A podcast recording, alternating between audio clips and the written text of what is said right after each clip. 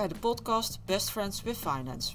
Ben jij die vrouwelijke ondernemer die vol passie bezig is om haar bedrijf te laten groeien, maar vind je finance maar een noodzakelijk kwaad?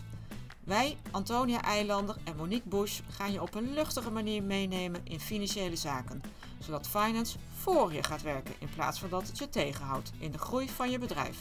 Kortom, zodat finance ook jouw best friend wordt.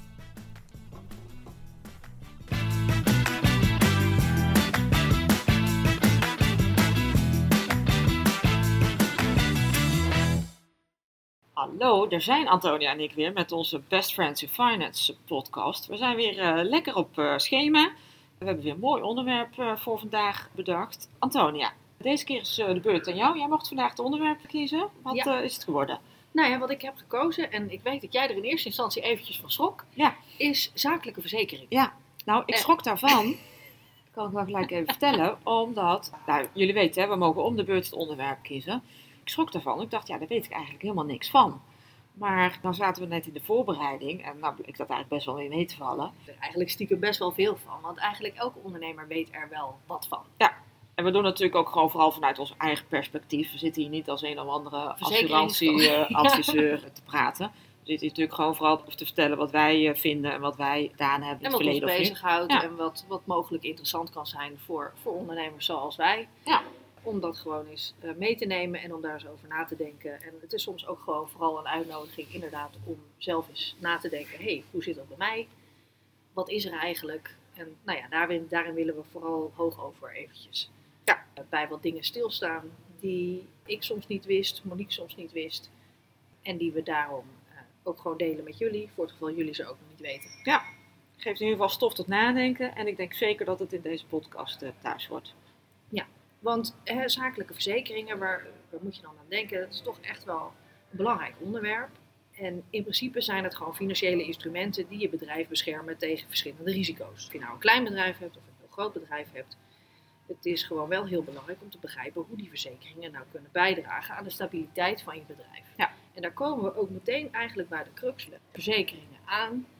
Het is echt belangrijk om af en toe even stil te staan bij wat zijn nou de risico's die je loopt in je bedrijf.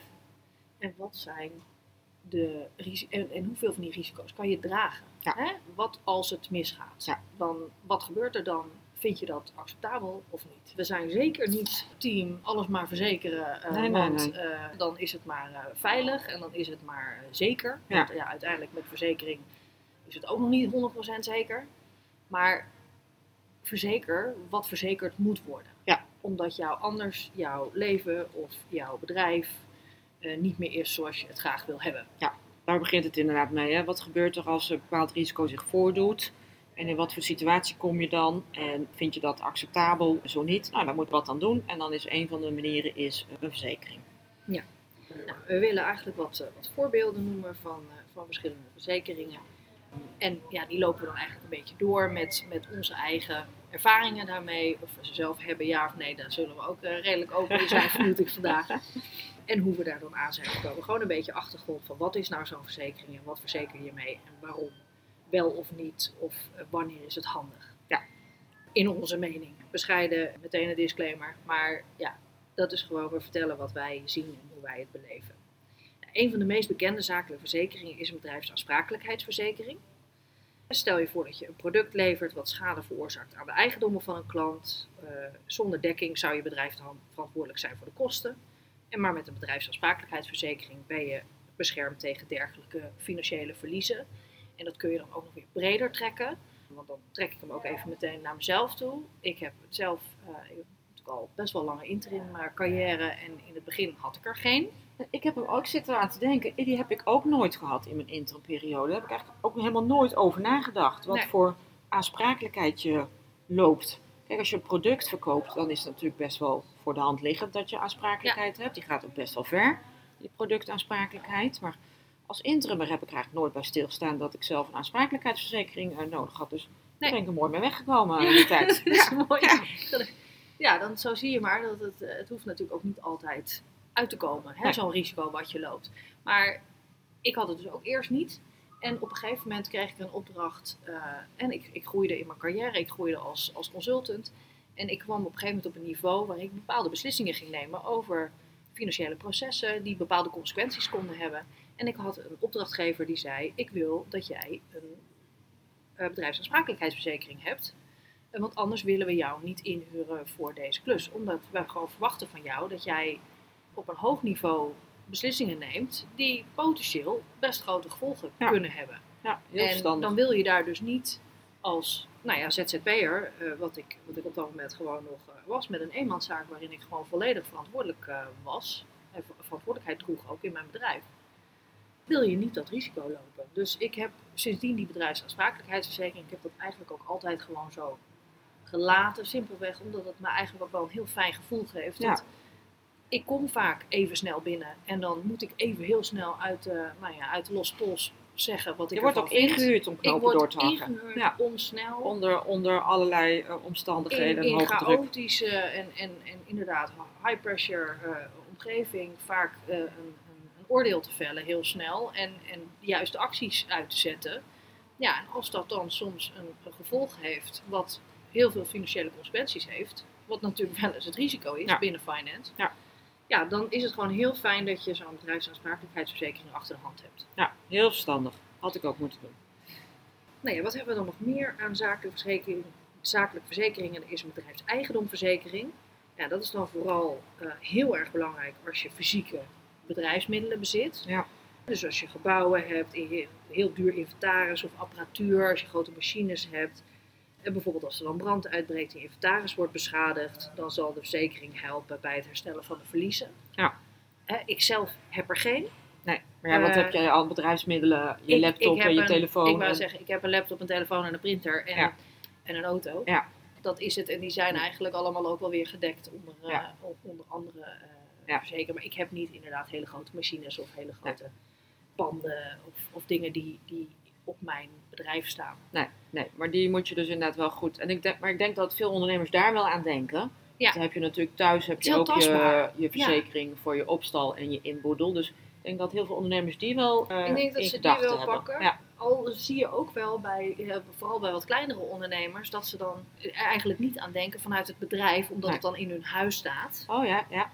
En dat ze het dan meer zien als van, oh ja, dat, dat staat gewoon in mijn huis, dat is gewoon inboedel. Inboedel. Ja, maar dat is Eh, niet zo. Terwijl dat dus niet zo is. Nee. Want als jij het op de zaak koopt en je gebruikt het voor je bedrijfsvoering, of eh, het staat in de, in, de, in de garage die jij hebt omgebouwd tot eh, kantoor, Ja. maar dat is wel gewoon on- onderdeel van je privébezit, Ja. eh, wat je wellicht huurt voor je, voor je bedrijf, dan is het nog steeds bedrijfseigendom. Dus En dat is dan gelijk een goede tip als je aan huis werkt.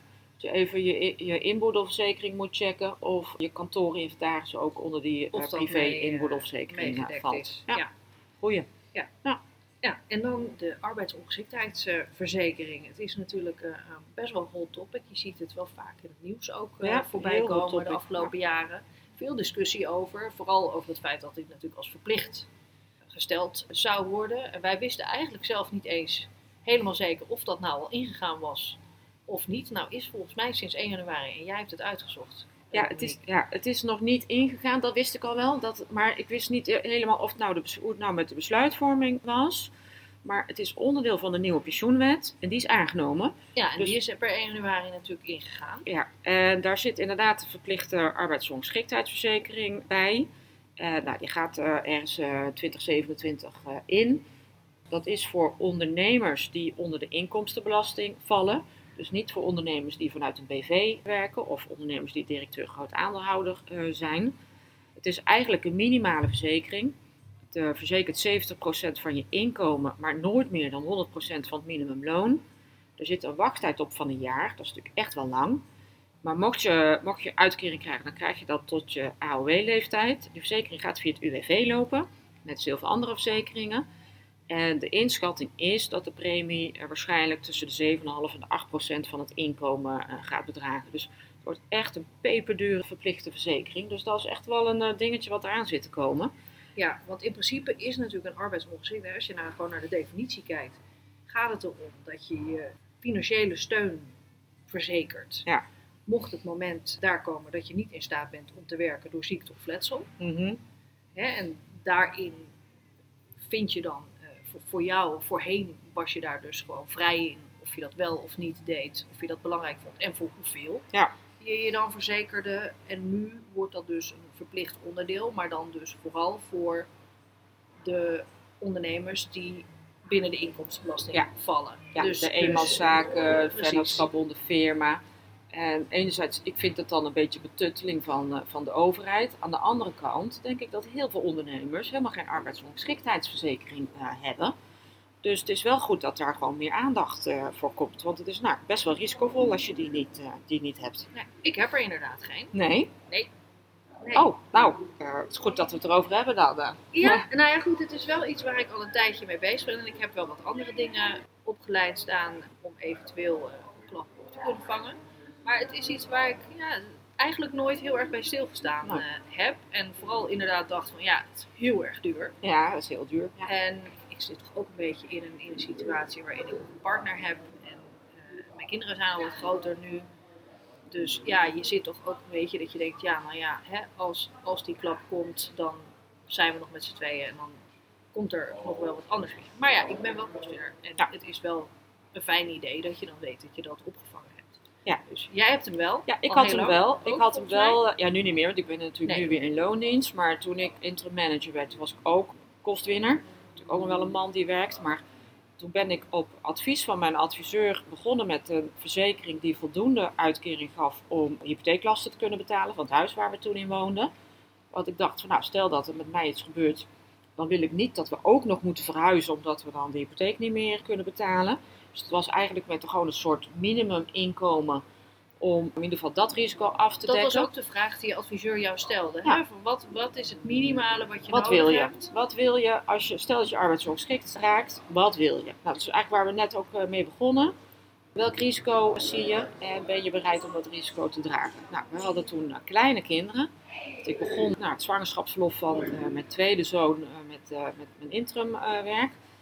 En ik dacht, ja, ik wil dan niet en arbeidsongeschikt zijn en dan ook nog moeten verhuizen. Ik wil gewoon eh, in dit fijne huis blijven wonen. Dus daar zijn we in eerste instantie mee begonnen, omdat ik natuurlijk ook helemaal niet wist of ik wel voldoende geld zou gaan verdienen om dat überhaupt eh, te kunnen betalen.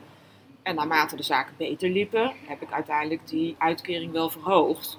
Op een gegeven moment dacht ik, ja, als we dan terugvallen naar, we kunnen wel in dit huis blijven wonen, maar verder ook helemaal niks. Ja, dat is dan toch ook niet meer helemaal passend bij de levensstijl die wij toen hadden gekregen. Maar ik moet wel zeggen, hij is peperduur. Want ik werkte altijd in januari alleen maar om de premie van de arbeidsongeschiktheidsverzekering te kunnen betalen. Dus dat is eigenlijk een Dus beetje... ook wel die 8% Ook die, die eh, waar die nu 8%. op ingeschat wordt, hè? ja, Die en, ja. Ja. Maar had jij, ik denk dat jij wel meer eruit krijgt dan eh, het minimumloon. eh, Ja, 100% ja, zeker wel. van het minimumloon. Dus hè, het is wel de moeite. Weet jij, eh, je bent er een beetje ingedoken. Mhm. Heb jij toevallig gezien hè, die verplichte AOV? Als je zelf, mag je dan ook nog zelf? ja, dat, dat is In dus... plaats van die verplichte eh, via het UWV? Ja, daar moet nog duidelijkheid over komen. Want stel nou dat je gewoon een particuliere arbeidsongeschiktheidsverzekering ja, Waar, waar, hebt. waar ja. moet je dan nog verplicht eh, verzekeren? Dus daar is nog geen duidelijkheid over gekomen.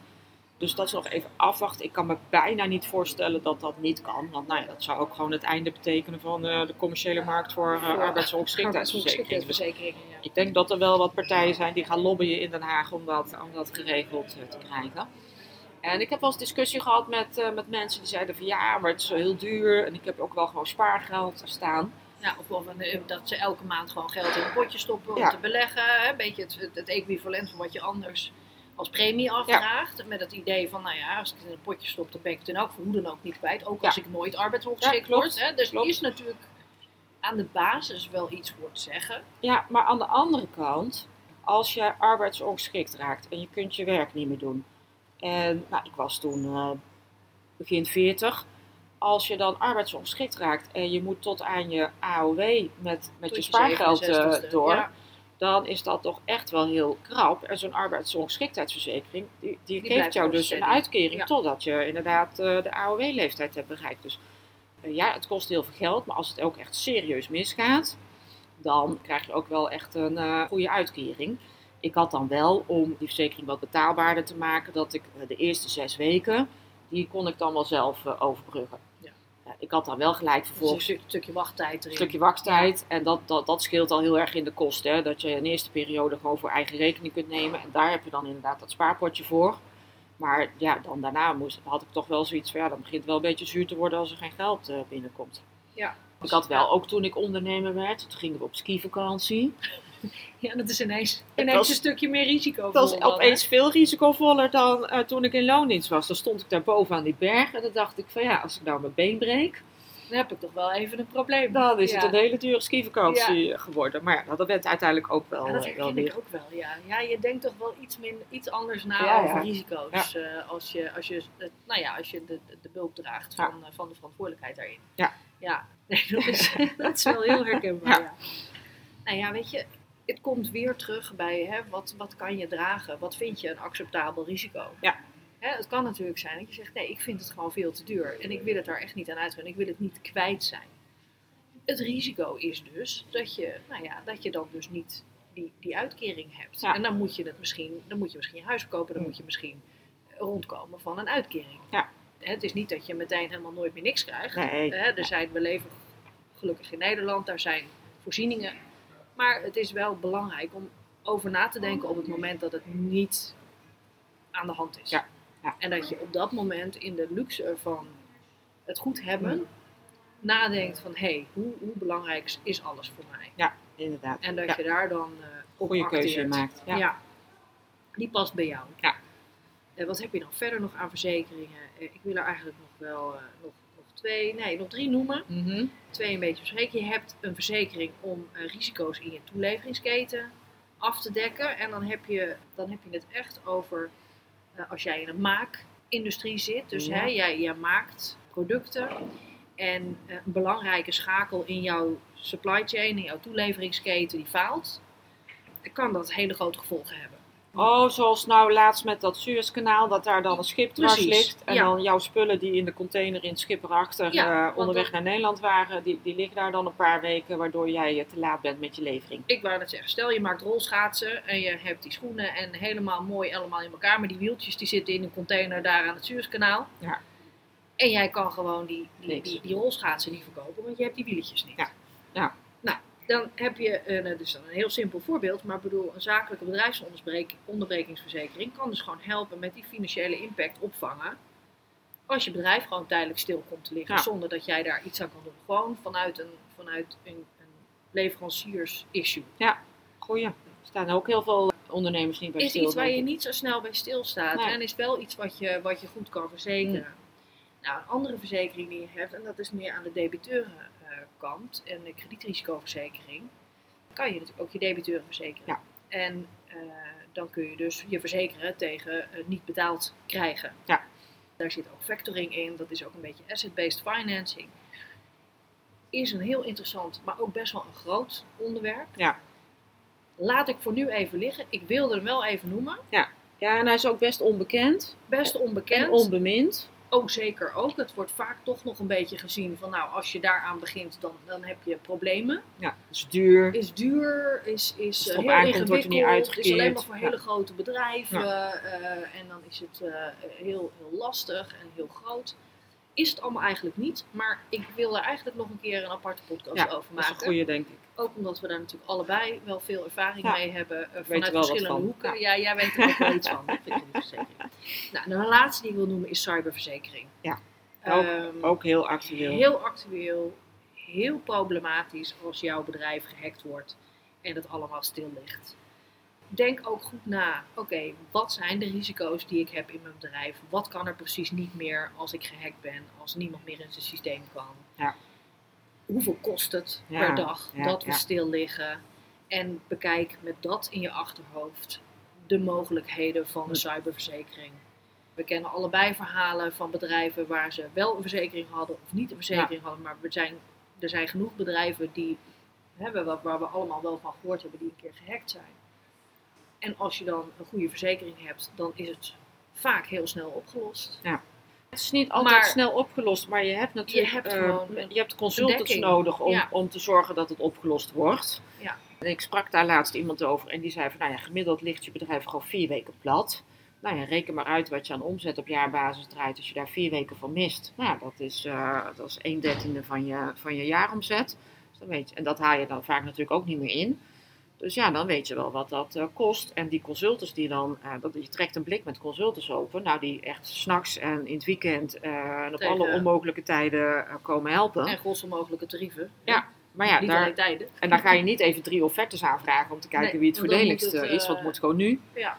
Dus dat is echt, ook echt een risico wat je heel serieus moet, moet inschatten. En misschien ook wel helemaal niet in staat bent om dat zelf te doen, maar gewoon een goed advies voor moet inwinnen. Ja, absoluut. Maar weer gestart vanuit het principe, hoe afhankelijk ben je Ja. van digitale, je digitale omgeving?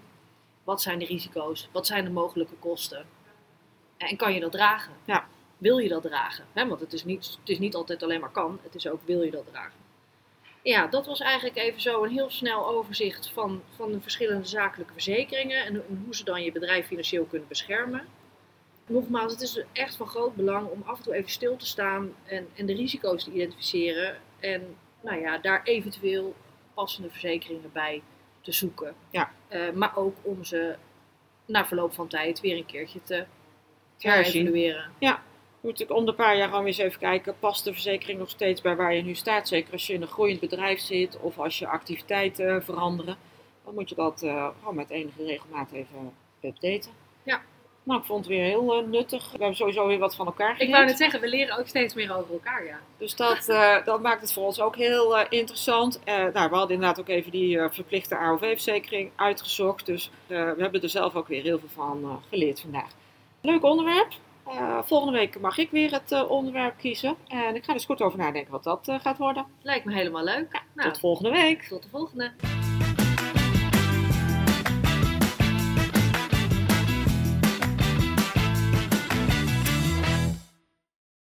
Dankjewel voor het luisteren naar onze podcast. Dat vinden we superleuk. Als je onze podcast waardeert, zou je ons dan een review willen geven in de podcast-app. Dat kan door bijvoorbeeld 5 sterren te geven in Spotify. Daar zijn we blij mee en zo wordt onze podcast beter vindbaar voor andere vrouwen. En vind je het leuk om contact met ons op te nemen? Dat kan dan via LinkedIn. Tot de volgende keer.